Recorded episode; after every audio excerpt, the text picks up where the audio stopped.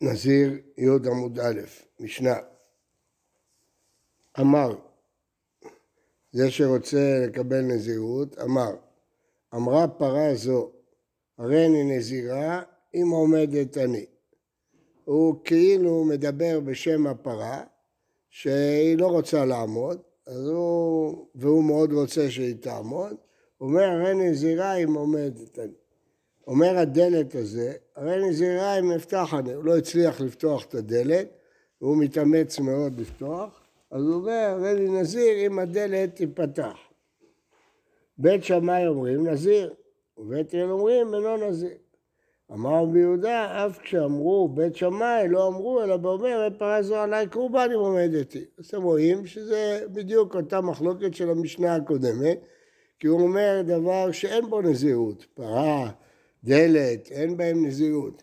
אז שוב, אם אדם לא מוציא דבריו לבטלה, אז הוא יתכוון לקורבן, הפרה קורבן. דלת לא שייך כמובן, נראה בהמשך, אבל פרה קורבן.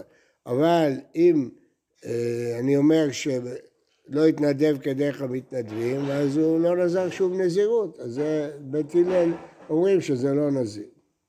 אומרת אמרה פרה מקמשתיה, האם פרה היא מדברת? אמר מלחמה, אחא מה עסקינא, גון שהייתה פרה רבוצה לפניו, לא רצה לעמוד, ואמר כי סבורה פרה זו שאינה עומדת, כאילו הוא מדבר בשמה. הרי אני נזיר מבשרה אם עמדה מאליה. הוא כל כך רוצה שהיא תעמוד, אז הוא כבר מתרגז, הוא אומר אם היא תעמוד אני אהיה נזיר מבשרה. ועמדה מאליה, באמת עמדה. הלכו בית שמאי ובית הלל לשיטתה.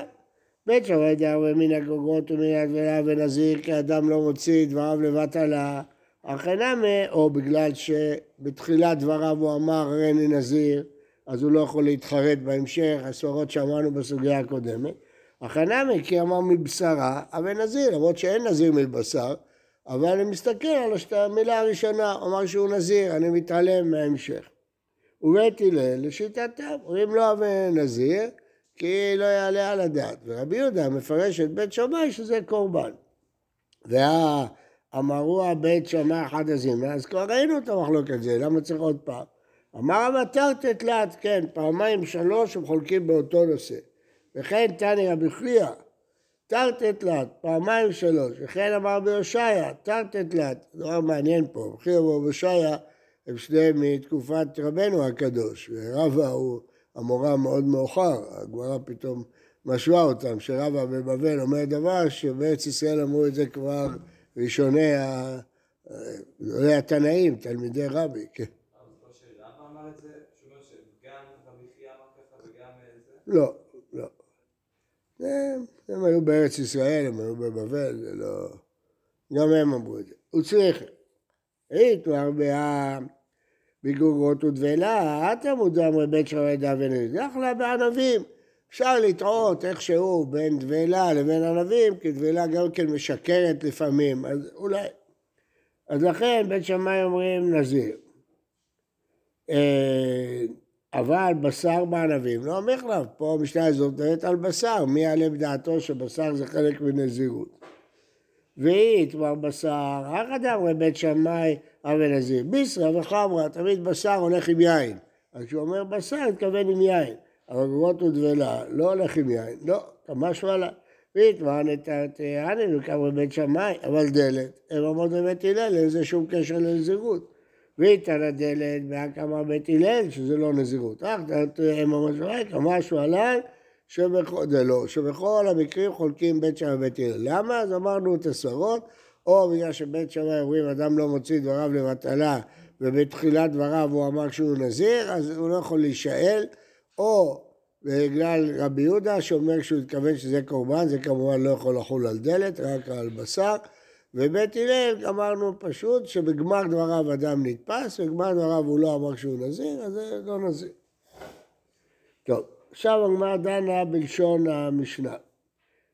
אמר רבא, מי קטני אם עמדה מאליה, אתה מוסיף פה דברים למשנה שלא כתובים.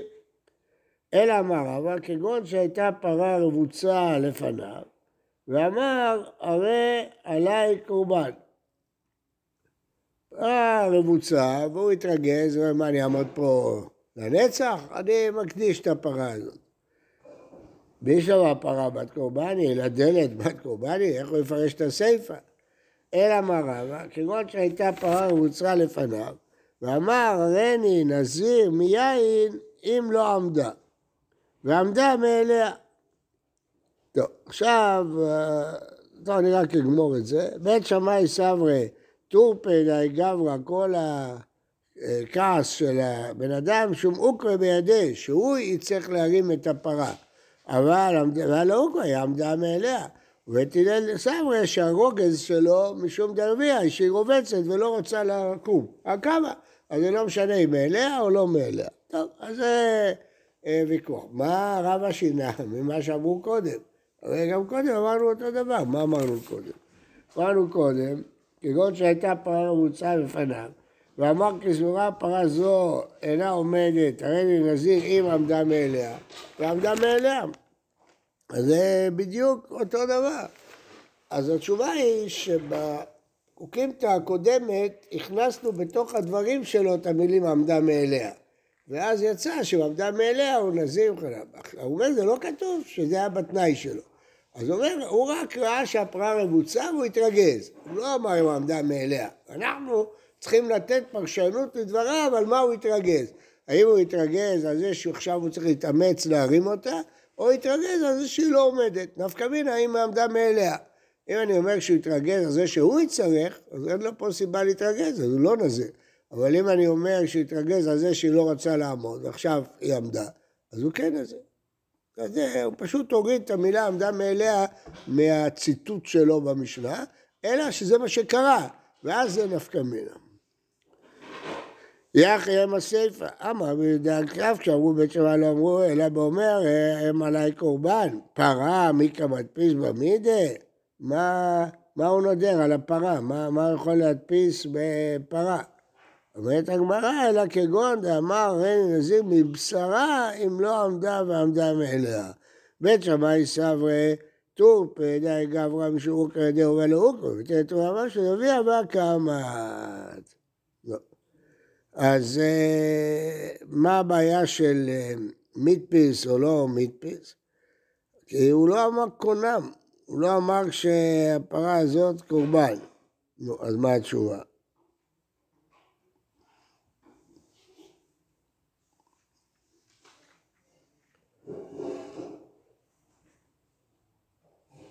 מה, מה, מה בשרה יותר טוב מאשר אה, פרה?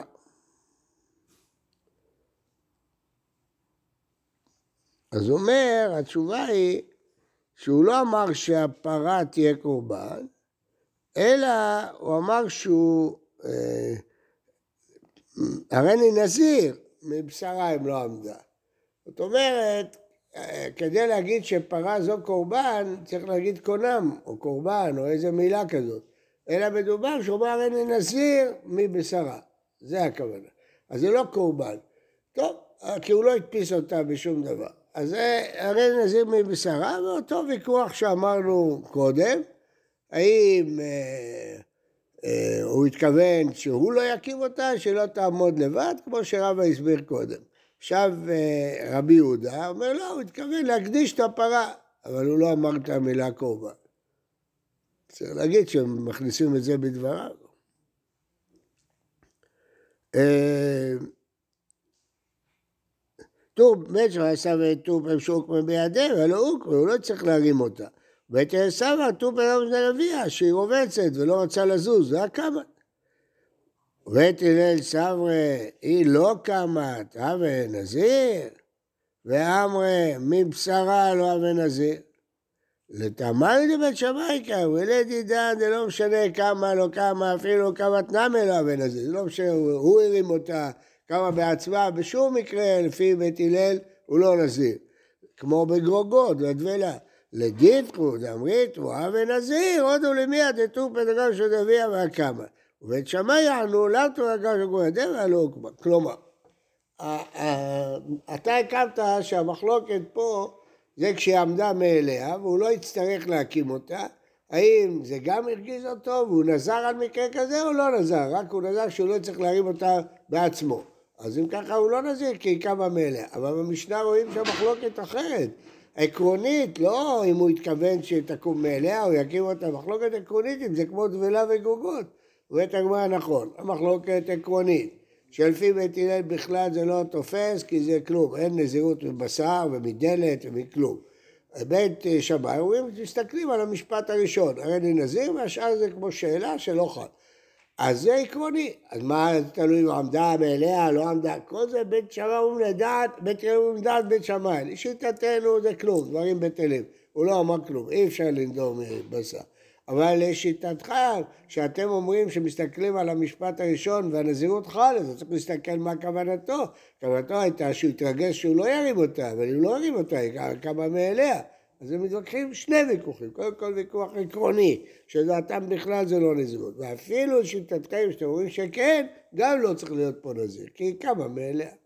זה פירושו של רבא למשנה. אז נחזור.